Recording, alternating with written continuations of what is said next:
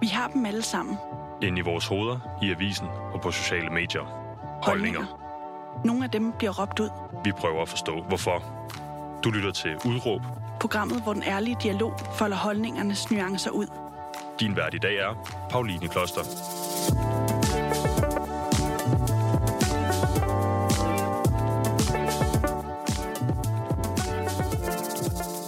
God dag og rigtig hjertelig velkommen til Udråb, hvor vi endnu en gang har besøg af dig, Mursal Kashawi. Velkommen til. Khosravi. Khosravi, undskyld. Øh, velkommen til. Det her er et program, hvor vi, øh, vi har nemlig lavet to programmer med dig. Den, det første program er, hvor du uddeler, øh, eller deler ud af din øh, historie og kræver hjælp til dansk afghaner, fordi der i øjeblikket sker en retraumatisering. Det er ikke det, vi skal snakke om i det her program. Det er den politiske, derimod den politiske situation mellem Afghanistan og Danmark, vi sætter fokus på og prøver at forstå en anelse bedre. Du er, har været aktiv i Radikale øh, Venstres Ungdom. Det er du ikke længere. Nu blander du dig kun i den offentlige debat ved netop at debattere. Det er ikke helt det, vi skal i dag. Vi skal ikke debattere. Jeg prøver snarere at forstå dit verdensbillede, og hvordan du anskuer den her situation. Men vil du ikke lige, øh, Musal, fortælle mig, øh, kan du huske dit udråb? Øhm, jeg har jo haft mange. Hvilken en tænker på? du har haft mange. Jeg siger det lige. Øh, så kan du sige, om, om du kan genkende det eller ej. Men det hedder, øh, Danmark har et ansvar for, ja. for Afghanistan. Ja. Er det en, du kan stå inden for? Ja, ja. Helt bestemt. Godt. Så, så langt, så godt. Men vil du ikke lige starte med at fortælle mig, fordi du har studeret statskundskab, øh, mm. og du er for nyligt færdiguddannet. Hvad er det for en... Øh, øh, for en situation, du ser i øjeblikket mellem øh, Danmark og Afghanistan, og hvorfor er det vigtigt at sætte fokus på, at Danmark har en, en, øh, et ansvar? Mm. Jamen det vi ser lige nu, det er international politik på høj plan, og øh, det vi også ser, det er, at øh, der er en diskussion om, øh, at krigen i Afghanistan i virkeligheden øh, snarere er en øh, proxykrig, som øh, er en krig, hvor der er mange forskellige interesser på spil. Øh, og der er rigtig mange aktører. Mm. I den her forbindelse kunne vi jo ikke bare ud over Danmark og Afghanistan øh, og den vestlige alliance med USA i spidsen nævne Kina, Rusland, øh, Pakistan, Iran og andre aktører, som også har en rolle i det her. Så det er international politik på høj plan, men samtidig er det også meget sikkerhedspolitik, øh, vi har med at gøre, fordi at øh, fjenden er en terrororganisation, som i sidste ende øh, ikke bare er afghanernes fjende, men også resten af verdens, hvis de kan få lov til at blomstre. Mm. Og øh, det dykker vi ned i øh, ret slavisk, prøver vi i hvert fald. Altså, det er jo en, en, en, en, en historie, som er også rigtig svær at belyse, fordi der er så mange facetter i den, og fordi det er så sindssygt avanceret, øh, som det er. Men øh, du har læst statskundskab. Har du altid haft fokus på Afghanistan i forhold til Danmark, altså i din tid, hvor du har interesseret dig øh, på, for politik? Øh, mere eller mindre. Øh jeg har rødder i Afghanistan. Jeg er født i Afghanistan, som vi har snakket om tidligere, så øh, det er jo ikke noget, man bare lige kan koble af. Øh, men øh, mit øh, politiske engagement har faktisk øh, også handlet meget mere øh, om, hvordan skal man øh, formulere det, øh, om hele samspillet mellem verden. Det der med, hvordan ender jeg som afghaner i Danmark? Det er der en grund til. Og det er igen tilbage til det her international politik. Jeg interesserede mig for international politik, før jeg begyndte at interessere mig for øh, national, det vil sige dansk politik. Og det er jo så øh, sjovt nok, fordi at øh, jeg grundet øh, krig og international politik endte øh, med at flygte fra, fra mit hjem. Ikke? Mm. Så, så jeg har altid interesseret mig for det, men det er faktisk øh, først nu, jeg også bliver mere og mere bevidst om omkring, øh, særligt med sådan statskundskabsblik, øh, øh, bliver bevidst om, hvordan tingene hænger sammen, og hvor meget tingene egentlig spiller sammen. Mm. Er der noget, der kommer bag på dig i øjeblikket? Der er meget, der kommer bag på mig, men jeg tror, det, der kommer allermest bag på mig, det er faktisk, at vi nu 2021 øh, overlader et helt land i hænderne på terrorister, og begynder at have en debat i Vesten om, at vi skal begynde at øh, samarbejde med terrorister det er ikke noget, vi ellers plejer at gøre. Mm. Når danske liv øh, er i fare, øh, og vi har journalister og, og andre vestlige øh, borgere, der bliver taget som gisler terrorister, så plejer man næsten at ofre det individs liv, fordi man siger, at den danske stat ikke går ind og forhandler med terrorister. For man ved, det er en glidebane. Mm. Det er ikke, fordi man ikke har sin borgere kært, når den danske stat eller andre vestlige stater ikke, stater ikke gider forhandle med øh, terrorister, der tager vestlige borgere som gisler. Det er, fordi man ved, det er en glidebane. Hvis du går ind og forhandler med dem en gang, så kan de blive ved. Mm. Det er en af de aspekter, vi kommer ind på programmet igennem. Men et andet er øh, historien. Hvad der er foregået i Afghanistan, særligt frem mod 9-11, hvor, der, hvor Taliban og Afghanistan for alvor kommer på alle, alle slæber. Jeg har haft en skøn kollega, som hedder Miral Rasmussen, som har lavet et lille sammenklip til, øh, til os, som jeg tænker, jeg lige spiller. Øh, og så kan vi tale ud for det. Er du klar på det? Ja. Det kommer her.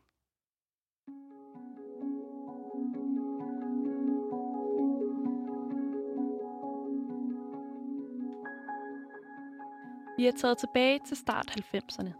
Afghanistan er efter mange år med kommunistisk styre præget af kaos og borgerkrig.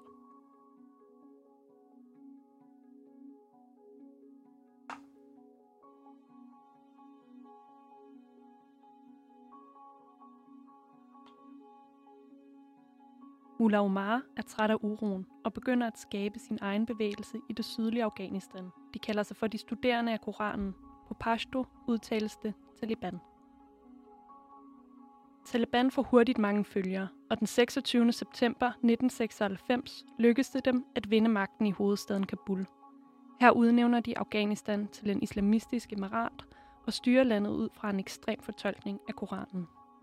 De dage er det danske nyhedsbillede præget af Israel-Palæstina-konflikten og en rockerkrig, der udspiller sig på Amager. Kun få aviser skriver om magtskiftet i Afghanistan – og kun enkelte journalister undrer sig over, om Taliban er en farlig bevægelse.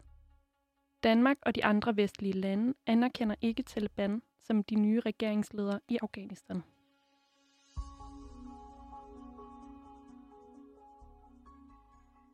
Ja, sådan lød det altså. Øh, et kommunistisk styre, som Taliban overtager i start 90'erne. Mursal, vil du ikke lige fortælle mig, øh, vi har været også inde på det tidligere, men du har fået overleveret de her historier fra din mor, som var ung kvinde i øh, 60'erne og 70'erne. Vil du ikke lige fortælle, hvordan så Afghanistan ud øh, på det tidspunkt? Jamen, øh, jeg kan jo så snakke om, når jeg snakker om Afghanistan, så øh, tænker jeg lige nu hovedsageligt på Kabul, hvor at, øh, jamen, bare det visuelle, hvis man tænker på det, så øh, var det et land, hvor at... Øh, man var ret meget med på den på moden, som i virkeligheden nu bliver betegnet som den vestlige mode, ikke? Og her, der tænker jeg bare mænd i jakkesæt og øh, bukser og skjorter og kvinder i kjoler og den slags, og også kvinder i bukser og den slags, og uden øh, tørklæde, et øh, frisindet øh, land, der var på vej øh, til at være meget mere udviklet, øh, udviklet, end mange europæiske lande var på det tidspunkt. Øhm, og et land, der ligesom øh, forsøger at modernisere øh, sig selv og sine borgere. Øhm, så mange steder kan man faktisk læse om, at, at Afghanistan på det tidspunkt var et forgangsland i forhold til frihedsrettigheder, menneskerettigheder og øhm, også kvinderettigheder. Mm. Øhm, så det er sådan det Afghanistan, jeg tænker tilbage på, når jeg tænker på Afghanistan i 70'erne. Og på et tidspunkt, så stopper den her fri, frihed og den liberal, øh, liberal, de, de liberale kræfter på en eller anden måde, fordi Taliban kommer til magten. Fra dit perspektiv, øh, øh, hvad, hvordan kan man så forklare det? Jamen, øh, det man skal huske øh, på, det er jo, at øh, Afghanistan er et land, der... Det er ikke første gang, at Afghanistan har været invaderet af udefra kommende. Og jeg ved ikke, noget siger mig, at det nok heller ikke bliver sidste gang øh, selvom at fremtiden er uvis. Øh, men kigger man tilbage på Afghanistan historie, har der jo været øh, invadering og krige med England. Jeg tror, at der var op til tre øh, krige, hvor man ligesom har øh, følt sig invaderet og følt, man skulle bekæmpe de her fremmede, der kommer og øh, skal styre ens land og befolkning, og for slet ikke at glemme, at Øh, Øh, vi har også alle sammen hørt om øh, den russiske besættelse, ikke? Øh, hvor at øh, man så prøver at udbrede kommunismen i den her øh, region og øh, også i landet. Og ja, så efterfølgende ser man så, at øh, det er faktisk meget øh, lang tid før, at det her proxy war, som man, øh, altså øh, proxykrig, som er en krig mellem interesser, starter i Afghanistan. Og det, de så gør, det er, at man begynder at støtte forskellige grupper i landet. Øhm, og det er der, hvor vi så også har historien omkring alt det med borgerkrig i Afghanistan, fordi Afghanistan er et land med mange etniciteter øh, og mange grupper af borgere, øh, som, som menes at, at have kæmpet om magten. Øhm, og der kan man sige, at øhm, fra den afghanske perspektiv mener man, at det altid er udefrakommende, der kommer og støtter forskellige interesser gennem de her forskellige borgergrupper, som så ender ud i borgerkrig. Øhm, og, og det er så den borgerkrig, øh, der så fortsætter fra var ved med, med forskellige styre og øhm, situationer og en evig krig, som man kalder det i Afghanistan, som så ender ud med, at man der i 90'erne får Taliban ind. Ikke? Mm. Og mener du, at, øh, fordi der har været snak om, og der har også været flere ting, der tyder på, at Taliban er opstået ud af øh, vestlige tropper. Mm. Hvordan ser du på det? Jamen, øh, der er ikke nogen... Altså, man skal virkelig vide lidt om international politik og Afghanistan, hvis man ikke øh, ved, at øh, Taliban og mujahedinerne blev støttet af Vesten, øh, fordi at man ønskede øh, at øh, fjerne den russiske indflydelse, der var i landet. Øh, så der er også rigtig mange rapporter, som man kan læse, som peger på, at den våben, de fik, den økonomiske støtte, de fik, og strategiske øh, assistance har været øh, med indblanding fra Vesten, og ikke alene Vesten, men også øh, nabolandene til Afghanistan, blandt andet Pakistan, øh, som jo faktisk øh, også selv har anerkendt, at de i 80'erne øh, etablerede Taliban og trænede den, og med støtte fra USA gav den våben og øh, uddannelse, kalder de det, men, men indoktrinering vil jeg kalde det. Øhm, Ind- så, indoktrinering i hvad? Jamen, ikke, indok- jeg vil ikke sige indoktrinering i religion, men indoktrinering i terrorisme, som jo handler om, at øh, man overbeviser nogle øh, ret uvidende mennesker om, at de kæmper for en sag, som i virkeligheden er slet ikke i deres interesse. Mm. At de skal kæmpe den her hellige krig. Øhm, og, og det er unge øh, flygtningedrenge og mænd, og sådan, der bliver taget og bliver skolet til det. Mm. Så, så øhm, ja, det er helt korrekt, at øh, Taliban, afghanske medier siger det meget tydeligt, blev skabt af Vesten, og de mener, at de har, er blevet holdt ved lige øh, af i hvert fald USA, og nu har de så fået magten i Afghanistan igen mm. gennem USA. Mm. Og hvis vi lige bliver ved den her periode før 9-11, der, øh, der øh, ser vi jo det, at øh, da, øh, da øh, undskyld, Afghanistan bliver øh, invaderet af Taliban og kommer til magten, der ser vi, at der ingen øh, øh, overskrifter er øh, i danske medier om den her øh, invadering øh, på nær en. Hvad tænker du om det? Altså, fordi det lyder jo umiddelbart ikke som om, at det er øh, i hvert fald danskers interesse, hvad der foregår i Afghanistan på det her tidspunkt før 9-11. Øhm, det er helt korrekt, at det ikke har været danskers interesse indtil, at USA overbeviste om os om, at, øh, hvad hedder det, at vi var en fælles alliance imod øh, terrorisme. Og øh, vi husker vel alle, øh, hvordan Bush tonede frem og sagde, enten er I med os, eller også er I imod os. Øh, og det er der, at Danmark så går ind og melder sig ind i den her, øh, hvad skal man sige, æra, hvad jeg ved at kalde det, fordi mm. det er jo mange års krig, øh, og vælger at være et land, der så prøver at agere som lillebror til USA. Og øhm, vi har et ansvar for krigen. Har vi allerede et ansvar, øh, eller for Afghanistan, øh, har vi allerede et ansvar før 9-11 fra dit perspektiv? Øhm, jeg mener, at øh, det at sige, at den danske stat alene har et ansvar før 9-11, det er svært at sige. Øhm, men jeg mener, at man som EU har et ansvar, fordi at det handler om, øh, at de her lande også er interesseret i øh, fred, og øh, at der ikke skal være terrorisme på verdensplan. Ikke? Men derudover, så ved jeg ikke, om I kan huske det, men øh, der har efterfølgende jo floreret de her billeder af blandt andet... Øh, øh, hvad hedder det, vores tidligere statsminister, øh, Lars Lykke.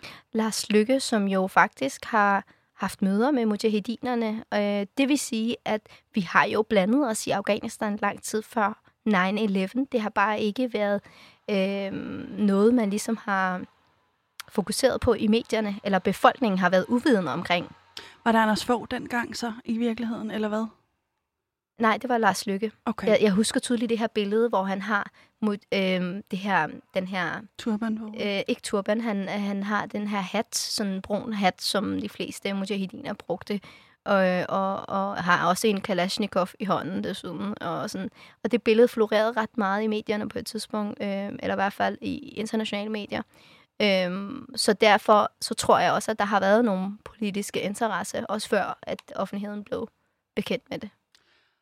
Og øhm, hvis vi lige fokuserer et øjeblik på øh, de her interesser, der så øh, unægteligt fra dit perspektiv, fordi Lars øh, Lykke har været i Afghanistan også før øh, 9-11. Hvad er det for interesser, der er på spil fra dit perspektiv? Øhm, der er forskellige interesser på spil. Først og fremmest så handler det meget om geopolitik. Det handler rigtig, rigtig meget om... Øhm, jeg læste en artikel, som beskrev Afghanistan som sådan en gateway mellem øh, Europa, øh, Vesten og, og Asien. Øhm, og det beskriver det ret godt i forhold til, hvorfor der er så mange interesser på spil. Fordi at øh, noget af stormagtspolitik øh, i forhold til, at man skal markere territorium, øh, hvis man er Rusland og USA øh, og andre stormagter, for at sige, hvor, hvorhen i verden har hvem ligesom øh, styring, og hvilken ideologi har man udbredt, og deraf, øh, at man gerne vil have fjernet kommunismen fra, fra det afghanske øh, landskab. Øh, men derudover, så er der også rigtig meget, som...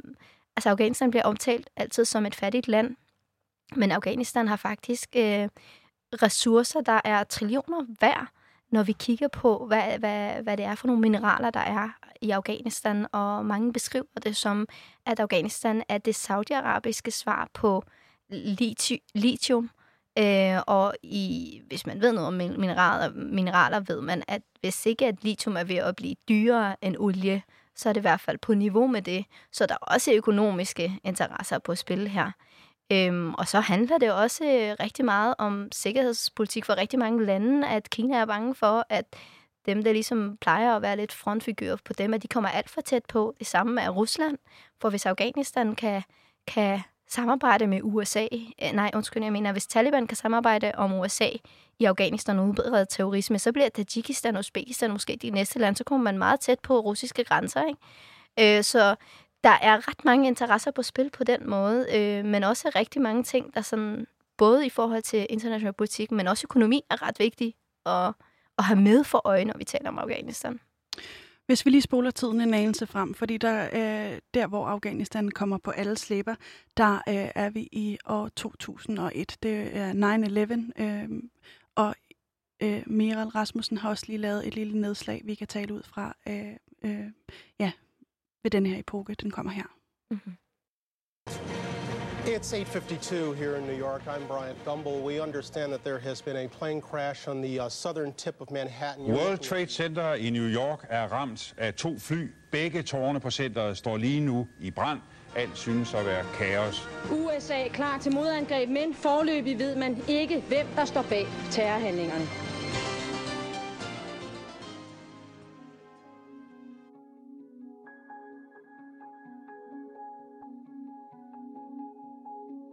Den 11. september 2001 gør Taliban sig internationalt bemærket gennem angrebet på Twin Towers og Pentagon i USA. Taliban har siden magtskiftet i Afghanistan huseret terrororganisationen Al-Qaida. Derfor får Taliban nu et ultimatum. The Taliban must act and act immediately. They will hand over the terrorists, or they will share in their fate.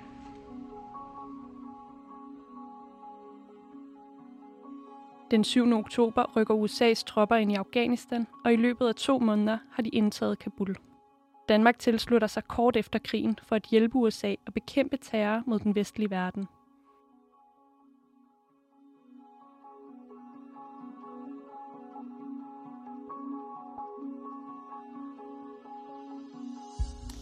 I dag blev det besluttet, at de op mod 200 afghanske tolke, som har arbejdet for de danske styrker, nu får mulighed for at søge asyl her i Danmark. Det faldt på plads efter aftale mellem regeringen, Venstre, de konservative og Liberal Alliance.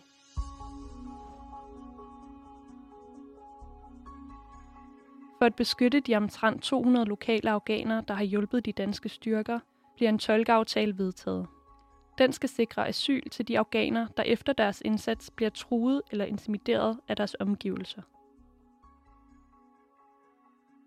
I alt er 44 danske soldater omkommet i krigen, og omkring 47.000 civile afghanere.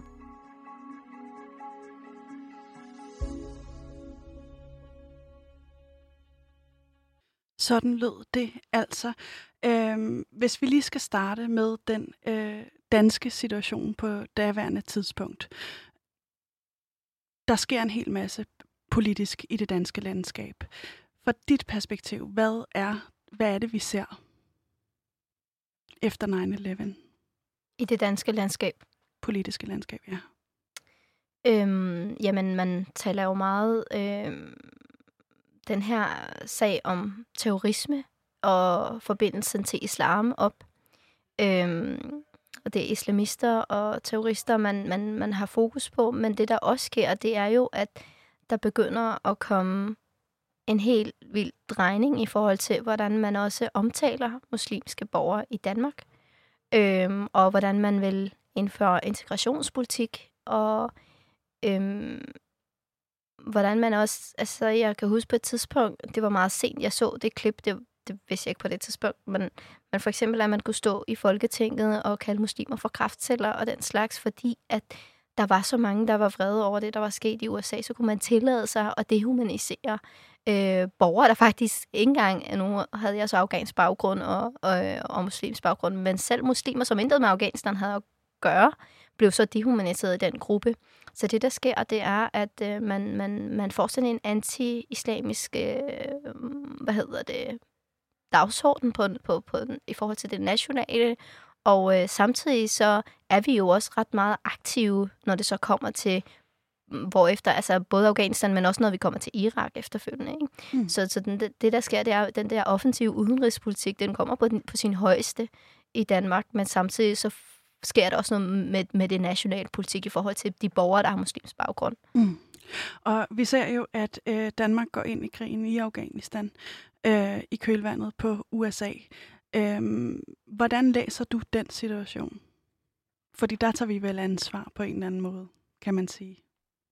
Ja, det gør vi, men er det i danskernes interesse, at vi tager ansvar? Jeg har haft lidt svært ved at forstå, hvorfor at man i forhold til det her har haft så stor en interesse i at være nærmest forsøge i hvert fald at ligne de tætteste allierede med USA i den her øh, proces, fordi at øh, Danmark støtter nærmest USA med lukkede øjne, mens at de andre allierede alligevel stiller spørgsmålstegn ved nogle ting. Og, øh, så, så ja, vi tager ansvar i forhold til øh, global terrorisme, men øh, jeg vil bare gerne have ønsket, at man i Danmark havde en debat om, hvordan vi burde gøre det, og hvad vi kunne bidrage med, og hvordan. Altså på daværende tidspunkt? På daværende tidspunkt, fordi jeg føler, at det er en melding, der kommer øh, sådan i hovedet på os, og nu har vi set de her 9-11, og vi kan enten være med dem eller imod den. Selvfølgelig er vi med den. Mm. Hvad skulle vi have gjort fra dit perspektiv på det tidspunkt? Jeg tror, man skulle have været meget mere kritiske i forhold til, øh, hvilket engagement man har i landet, men også hvilket ansvar det efterlader os, når vi først er gået ind i den krig. Mm. Altså tanken var jo på en eller anden måde, at øh, man gik i krig mod terroren. Mm. Hvor, vi så, øh, vi har lige hørt nogle øh, ret øh, vilde dødstal, både på afghanere, særligt afghanere, ikke? men også øh, mm. danske soldater, mm. som dør. Fra dit perspektiv, kunne man så have gået ind i Afghanistan på en anden måde, end vi gjorde? Altså, øh, basically, nytter det noget, den måde, vi har, vi har øh, ført krig i Afghanistan fra dit perspektiv? Mm. Øhm, den vil jeg gerne dele op, fordi jeg vil sige, først og fremmest, så tror jeg, det er lidt en myte, at vi tabte krigen, og vi ikke kunne vinde krigen over terroristerne. Fordi når man kigger på historien, så tog det altså ikke mere end et par måneder at få Taliban ud af Afghanistan, da man valgte at gå ind i Afghanistan. Og der var civile tab og også øh, dødstab i forhold til soldater og den slags. Men man lykkedes jo faktisk, øh, hvis man kigger på datoen, så tror jeg, det var sådan noget slutningen af december 2001, at man ligesom fik dannet den her nye regering med Hamid Karzai i spidsen, og, øh, og havde faktisk... Altså i Afghanistan. I Afghanistan, og havde faktisk formået jo at fjerne Taliban derfra. Mm. Og det, der så kommer derfra, det er, hvordan fortsatte vi så, fortsat, vi så resten af krigen? Det er der, man så skulle have fokuseret igen. Hvor var samtalen om vores engagement i forhold til, hvordan vi skulle engagere os? Hvor var samtalen om, hvor Taliban flygtede hen? Det er jo ikke nogen hemmelighed, at de flygtede over grænsen til Pakistan langt de fleste. Hvorfor var der ikke nogen sanktioner og samarbejde med det pakistanske regering i forhold til at få udryddet den her terrorgruppe en gang for alle? Og hvad er dine tanker omkring det? Altså, hvordan burde man have grebet det an? Hvad burde man have talt om dengang? Jeg tror, at krigen kunne have været meget kortere og til gavn for alle parter, hvis man på det tidspunkt... Jeg tror simpelthen ikke, at efterretningstjenester ikke har haft viden om, hvor de her talibaner flygtede hen, og at de opholdt sig i Pakistan, selvom den pakistanske regering benægtede, at, at de var der. Men man kan jo så sige, at da man så fandt Osama bin Laden meget tæt på den pakistanske hovedstad, og man også fandt Mullah Omar øh, i Pakistan, hvorfor var det, at man ikke gjorde noget for at jeg, jeg ved ikke, om det er alle i den pakistanske regering, der har haft interesse i at, at støtte Taliban, men i hvert fald støtte de kræfter, som vil udrydde det en gang for alle. Det der med, at du forbliver i 20 år i Afghanistan, selvom terroristerne faktisk befinder sig i nabolandet, og som så kan krydse grænsen og øh, plante selvmordsbomber, og så flygte over på den anden side igen, når de vil. Ikke? Mm. Øhm, så det, man burde have gjort, det er også at have fjernet fokus ikke, at man skulle ikke have været til stede, men hvis man på to måneder kunne få fjernet Taliban derfra, så burde man have fulgt efter Taliban de steder, hvor de fik ophold, og hvor de gemte sig, og få dem udryddet derfra, eller få den øh, sat, sat, sat i fængsel og den slags. Ikke? Øhm, og det kan vi vende tilbage til senere, men det, der er endnu mere grotesk, det er jo, at man faktisk her på det sidste har forhandlet med de her terrorister, og hver gang man har forhandlet, har man faktisk løsladt mellem 5.000 til 10.000 af Taliban øh, terrorister, som har siddet i fængsel i blandt andet Afghanistan. Mm. Det, det, det, er så, det, det kan man så komme tilbage til lidt øh, senere, men, men, men det, er jo, det, er jo, det er jo ikke bare, hvad man ikke har gjort, men også, hvad man faktisk har gjort. Mm. Det er jo som om, at man har støttet de forkerte. Mm. Og det er sådan, du ser det? Det er sådan, jeg ser det. Øh, men jeg tror simpelthen, at man har været i Afghanistan, mens Taliban har været i Pakistan. Mm. Øh, og det, det, er jo, det er jo der, man har haft det forkerte fokus. Øhm, og derudover, så øh, tror jeg også, at man har været for mange steder på én gang. Du kan ikke have en krig kørende både i Syrien, Irak og Afghanistan på samme tid.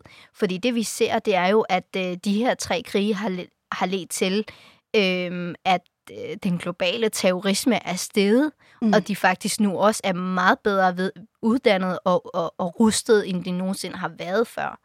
Så det er jo også et spørgsmål om, øh, altså det der med at destabilisere så mange lande i Mellemøsten på samme tid, det er jo det, der så også har ført til, at der efterfølgende også i, i Syrien, altså ISIS, de opstod jo efter, at man begyndte de her krige. Ikke? Så, så mit, mm, mm det handler mere om, at hvis du så vælger at gå ind i Afghanistan, og du ved, du har med global terrorisme at gøre, jamen så fortsæt med at få udryddet global terrorisme, eller i hvert fald gør den øh, så øh, ubetydelig, at den ikke kan være en trussel mod verden længere. Og så kan du tage det næste step mod diktatorer og den slags. Ikke? Mm. Det er nok der, øh, at mit, øh, det er det, jeg mener med, at man var for mange steder på samme tid. Klart. En ting er, at der, der sker en, en, øh, en ændring i den måde, vi forstår øh, mm. både mi- migrationspolitik og udlændingepolitik. Der sker en stramning. Men hvis man ser bort fra det og bare betragter den danske situation ud fra det, at vi er allieret med USA, hvad, hvordan, er det, hvordan er det, vi forsvarer det fra dit perspektiv på den danske politiske scene på det her tidspunkt, da vi går ind i Afghanistan? Jamen, vi forsvarer det jo med, at det er... Øh at øh, USA's fjende er vores fjende, og vi forsvarer det med, at øh, vi går i krig mod global terrorisme, øh, som så øh, bliver øh, kendetegnet Al-Qaida og Osama bin Laden.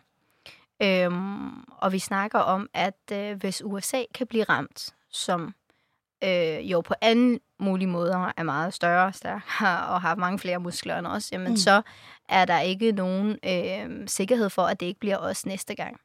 Mm. Øhm, og så vi faktisk går ind på den her krig, også baseret på meget frygt. Jeg forstår godt den frygt. Jeg forstår godt, at man vil gå i krig mod terror, øh, global terror, men jeg forstår ikke, at man ikke stoppede op og tænkte sig om i forhold til at have en ordentlig plan, fordi der var ikke nogen, der talte om, hvad gør vi så, når vi har fået fat på Osama Bin Laden eller Al-Qaida? Og hvad hvis, at Osama Bin Laden og Al-Qaida ikke er de eneste globale terrororganisationer. Øh, og, og, og hvad hvis, altså man snakkede jo også om, lige inden man gik ind i Afghanistan, der sagde man til Taliban, I skal udlevere Osama Bin Laden og Al-Qaida til os. Det ville de så ikke gå med til. Øh, men hvad hvis de havde gjort det? Ville man så stadig have haft en krig mod global terrorisme? Altså, så mange af de her ting får vi slet ikke talt om. Det handler bare om, wow, det her det er sket, det kører meget på følelser, og så handler man, og jeg tror, at der her er blevet sagt, eller det billede, som vi som det offentlige Danmark får, den er bare ikke repræsentativ for, hvad der sker i virkeligheden, tror jeg. Og jeg har ikke hvordan, svarene hvordan ikke? på...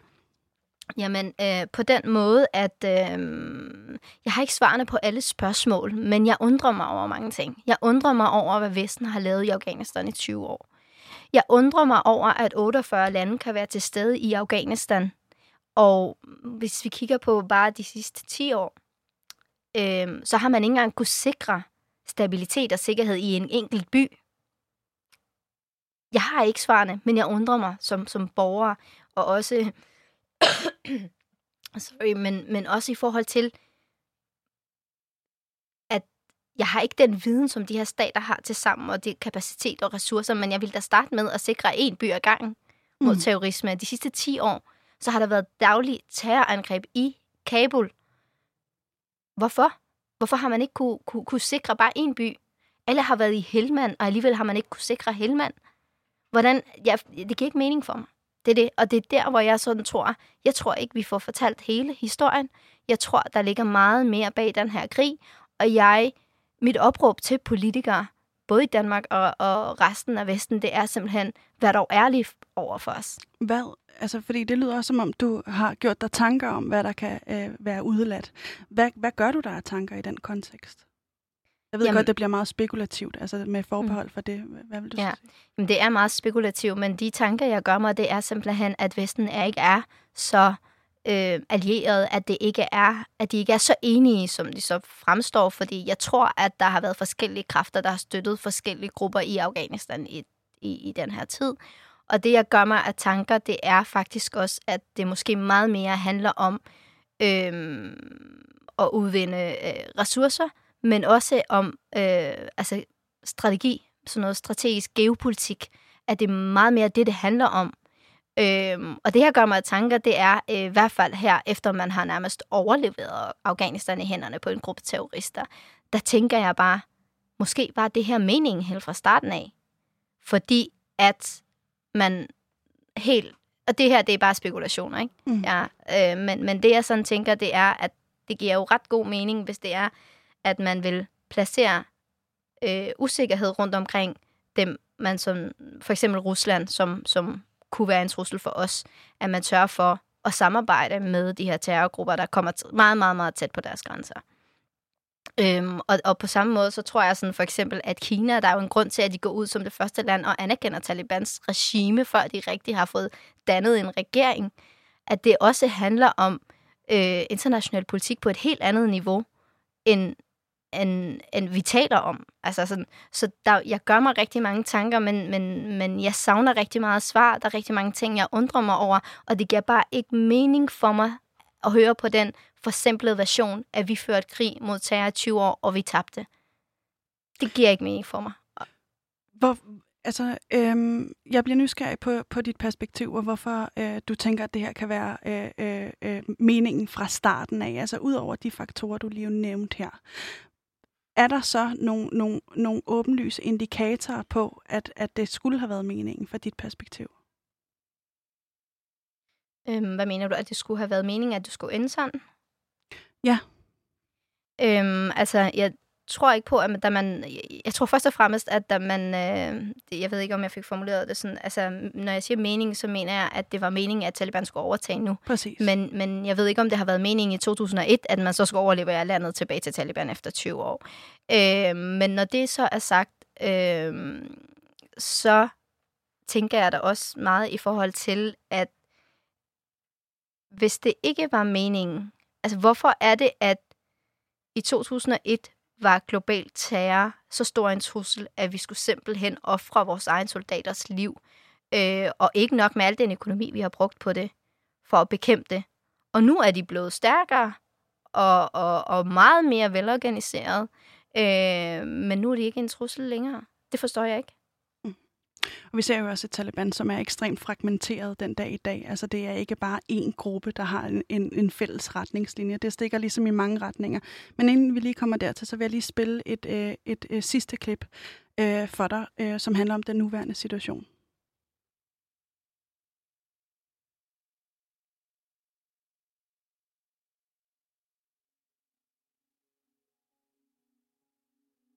It's perhaps not what I would have negotiated myself. But it was an agreement made by the United States government, and that means something. So, in keeping with that agreement and with our national interest, the United States will begin our final withdrawal, begin it on May 1 of this year.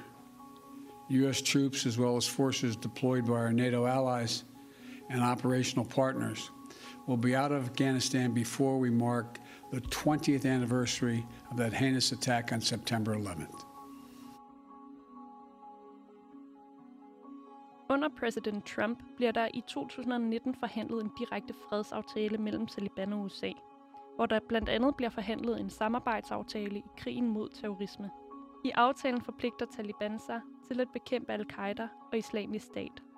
De får logistisk støtte fra USA til kampene. Derimod skal USA trække deres tropper ud af Afghanistan. Kort efter den 15. september 2021 lykkedes det igen Taliban at overtage magten i Kabul.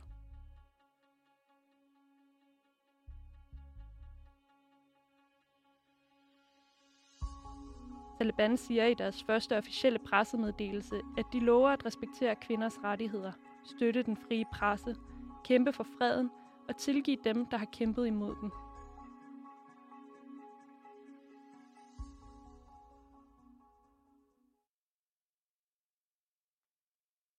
Og det var selvfølgelig ikke 15. september, øh, vi, vi trækker, eller øh, øh USA og Danmark trækker sig fra øh, øh, Afghanistan. Det sker lige her i denne her måned. Øh, bare lige mm. så det er på plads. Men vil du ikke lige fortælle mig, hvordan skulle vi have håndteret den her udtrækningsproces? Fordi der har været enormt meget snak om politikerne, om de øh, kunne have forudset det. Der var mange, der lavede alle mulige andre ting på daværende tidspunkt.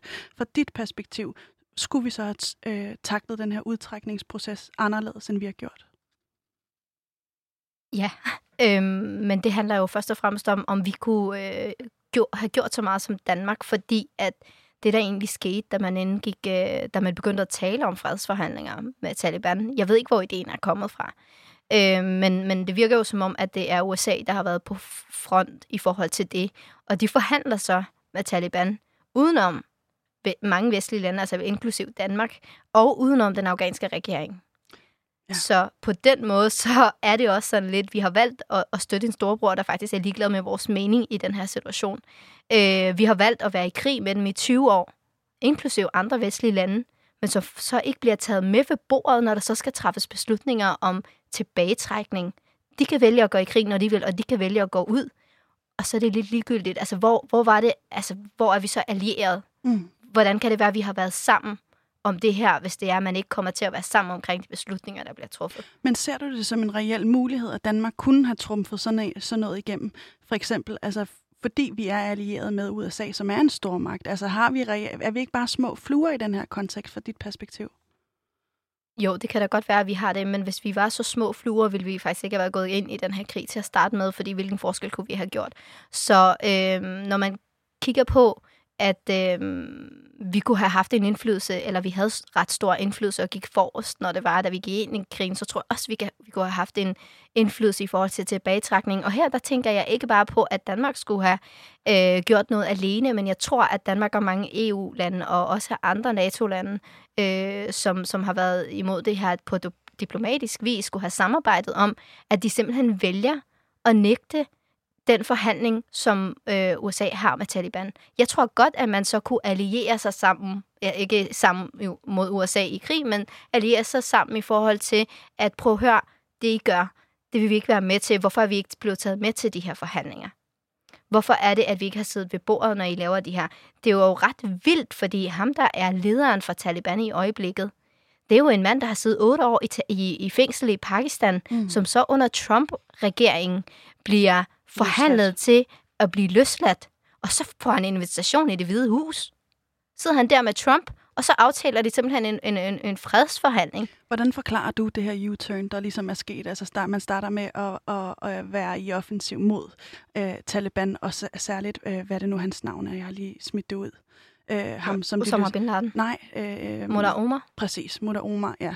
Øh, hvordan ser du det her U-turn? Fordi der sker jo helt klart noget, når USA begynder, altså med Donald Trump i spidsen, begynder at forhandle direkte med øh, en af Talibans medstifter. Hvordan kan, man, hvordan kan du forsvare det her skifte? Altså hvad, fra dit perspektiv, hvad er det så, der sker? Øh, jeg vil ikke forsvare det på nogen måde, men jeg synes, det er meget hyklerisk, og jeg synes, det er at her, at der er rigtig mange borgere, der må være i samme situation som mig, i alle mulige vestlige lande, men også i Afghanistan, som så tænker, hvad var intentionen med den her krig, hvor der kører en meget øh, sjov meme i øjeblikket, som egentlig er ret, øh, rammer ret præcist med, at øh, USA brugte 20 år på at erstatte Taliban med Taliban. Øh, og det siger noget om, at der er noget, der foregår, som er ret hyklerisk her, og vi får ikke hele sandheden. Og det er det, jeg sådan virkelig gerne vil have, at man i Danmark nedsætter en kommission, som undersøger ikke en Irak-kommission, fordi det kom der ikke ret meget ud af, men en kommission, der faktisk undersøger det her. Jeg tror, hvis vi ikke kan gøre andet, kan vi skaffe noget viden, der kan få andre lande til at støtte os op omkring nogle løsninger, som, øh, som faktisk kan være til fordel for andre end USA og Taliban. Og hvis vi så lige vender blikket mod altså den her udtrækningsproces, der har været en del kritik øh, fra højre og venstre, der har både været diskuteret Talibans øh, troværdighed, som jeg også lige tænker, vi vender tilbage til.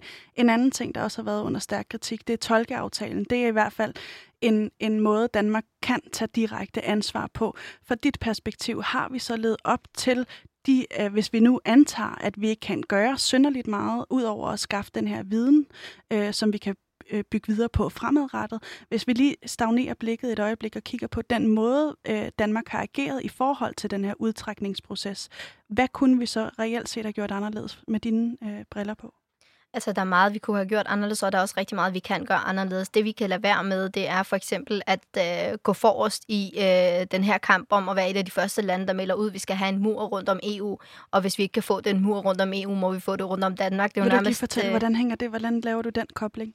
Øh, jamen, den kobling, jeg laver, det er, det er i forhold til, hvordan Danmark skal tage ansvar og skulle have gjort noget anderledes. En ting er, at vi var faktisk øh, et af de sidste lande, der begyndte at, øh, at få evakueret vores øh, samarbejdspartner. samarbejdspartner i Afghanistan, og man ændrede tolkeaftalen efter øh, Irak, fordi man bevidst forsøgte at få så få ind i Danmark som muligt, og på så korte ophold som muligt. Øh, så, så i forhold til, hvad man har, kunne have gjort anderledes, det er faktisk at stå ved sit ord, at hvis du så går ud og siger til både danske veteraner, at dem, der kæmper sammen med jer, og står side om side med jer, og i danske uniformer med det danske flag på, prøver at beskytte danske veteraner og danske interesser i udlandet, at de kan faktisk komme i sikkerhed, men så vælger sådan helt bagom og gør alt, hvad du kan for at undgå at tage det ansvar. Det synes jeg også er hyklerisk. Det, det, det, det, jeg kan slet ikke forstå, at, at Danmark er jo er et af de lande, der går forrest i den kamp.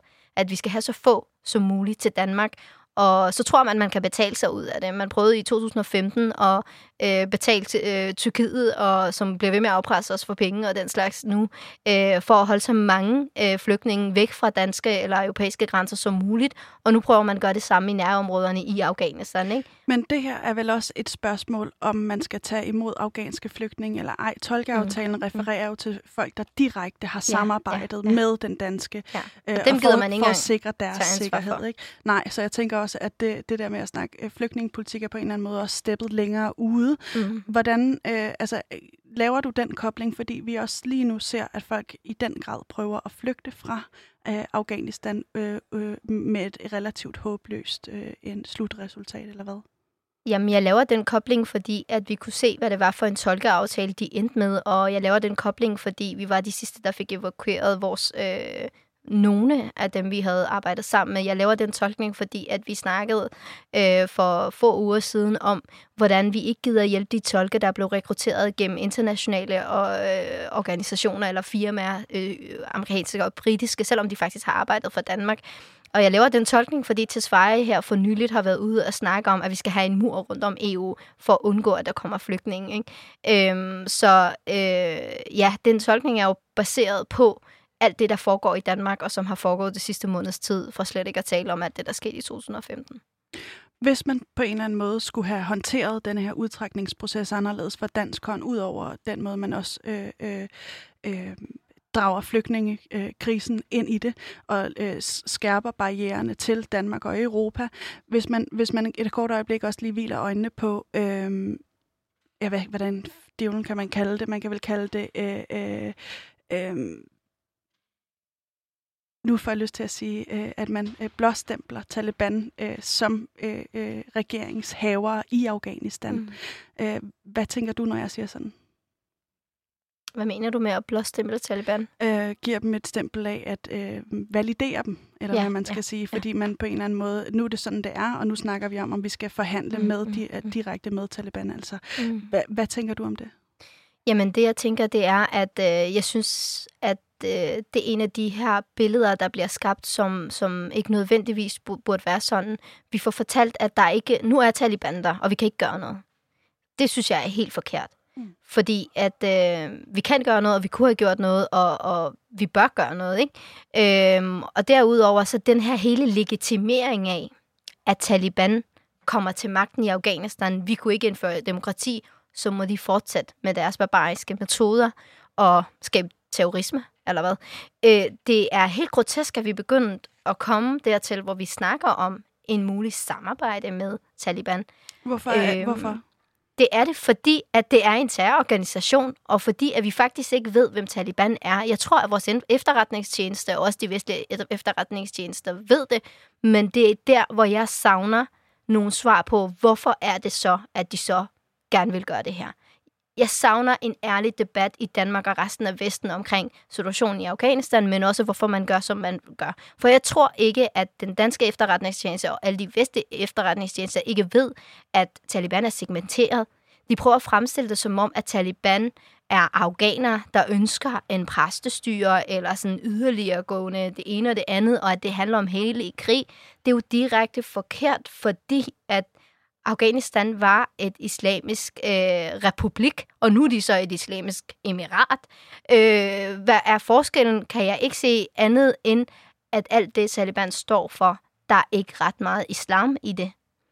Øh, og, og, og, og, og det er der, hvor at den går lidt galt for mig, i forhold til at forstå, hvorfor er det, at man taler? Prøv, man prøver at forsimple tingene, som om, at borgerne er så dumme, at de vil kunne, ikke forstå andet, end at nu er, der, er de der, og så må vi samarbejde med dem. Ja, eller også er det en måde at, at, at forsvare sin egen ryg på, på en eller anden måde, ikke? Altså, øh, fordi de, de, de gør det jo.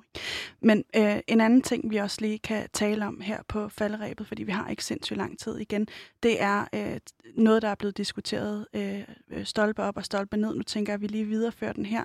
Øh, Talibans troværdighed. Hvordan anskuer du den fra dit perspektiv? Jamen, der er ikke noget troværdighed øh, i forhold til øh, Taliban. Taliban sidder lige nu øh, og snakker om, øh, vi så dem, der så horisonten her, øh, jeg ved ikke, om det var i går eller i forgårs, men det var jo ret vildt. Øh, det her med, at du nærmest... Øh, du prøver at vise en øh, vestlig journalist, at øh, vi lader pigerne gå i skole, men øh, nu forstår jeg jo så afghansk og kunne høre på ham, talsmand i Taliban. Øh, oversættelserne var ikke så præcise, men, men øh, det han blev ved med at sige til spørgsmålet, da Puk spurgte ham om, øh, om, om der kommer til at være en ændring i pensummet, øh, der sagde han, vi skal have nogle justeringer. Der skal, der skal være nogle ting, der skal rettes. Hvad er det for nogle ting, der skal rettes og justeres? Det handler jo om, at hvis at kvinder kommer til at gå i skole i Afghanistan, det tror jeg også gælder for mænd i øvrigt, så kommer det til at være en ny version af de koranskoler, som man har i Pakistan. Det vil sige, at de kan lære at læse og skrive, men det bliver Koranen.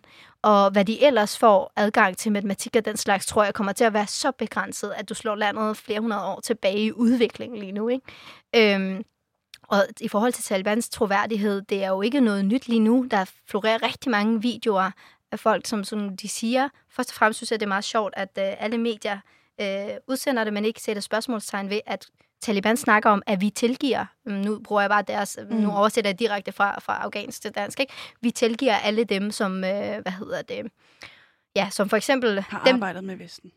Ja, arbejdet med Vesten, arbejdet for den afghanske regering. Vi tilgiver alle, I kan bare være her i fred og ro.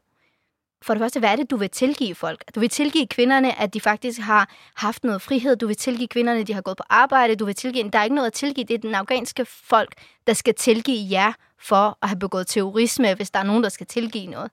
Og, og for at fortsætte at gøre det, men, men det vi hører, det er jo, at de lader folk være i fred, men i virkeligheden så går de hus, fra hus til hus og spørger om identifikationspapirer, og hvem man har arbejdet for, og hvordan og hvorledes. Og der er rigtig mange journalister, der, der omkommer, uden at man ved det, og hvis du man kigger på nogle af de her afghanske kanaler, så kan du se fædre, der snakker om, jeg husker den her far, der siger, at øh, han har tre sønner, han prøver den yngste ud af landet nu, men de to andre ved han ikke, hvor er.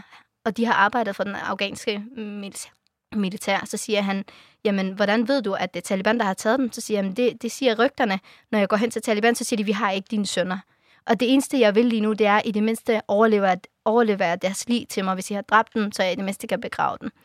Øhm, og det er ikke bare en af tingene, men der er... Øhm, Jamen, jeg ved ikke helt, hvordan jeg skal, hvilke eksempler jeg skal tage. Vi har alt for kort tid, men alt det, Taliban siger fra Doha og med deres PR, stemmer ikke overens med det, de gør. Og Taliban er det eneste regime, hvis de får lov til at være et regime, der kommer til at have en politik, hvor enhver Taliban-soldat kan gøre, hvad de vil med en borger i Afghanistan eller andre, uden at de bliver stillet til ansvar for det. Det er ikke ligesom andre regimer eller stater, hvor du faktisk skal igennem en øh, retssag for, at du kan blive dømt for noget. De kan skære hånden af dig, fordi de tror, du har stjålet.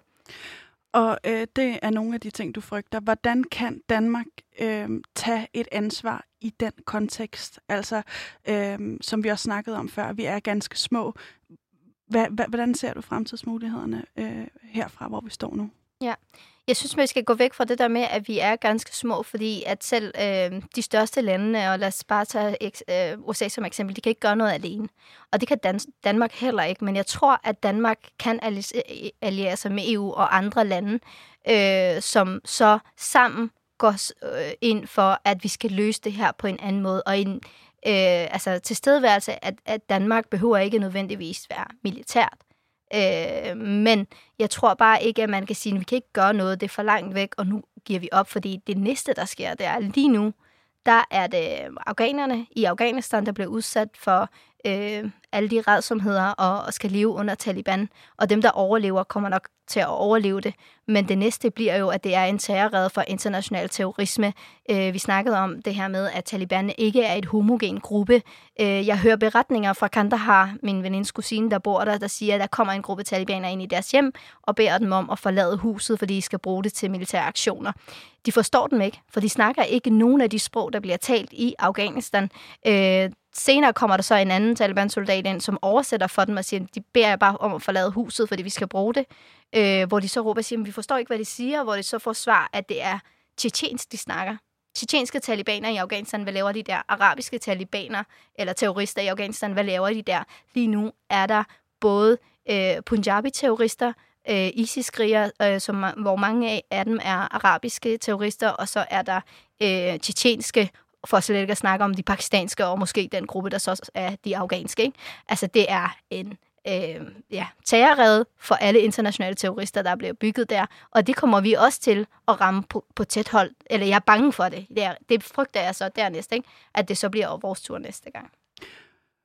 Musal Khoshavi, Tusind tak, fordi du vil være min gæst i dag øh, i Udråb. Programmet er produceret af Rakkerpark Productions. Min producer er Mathias Røn Poulsen. Jeg hedder Pauline Kloster.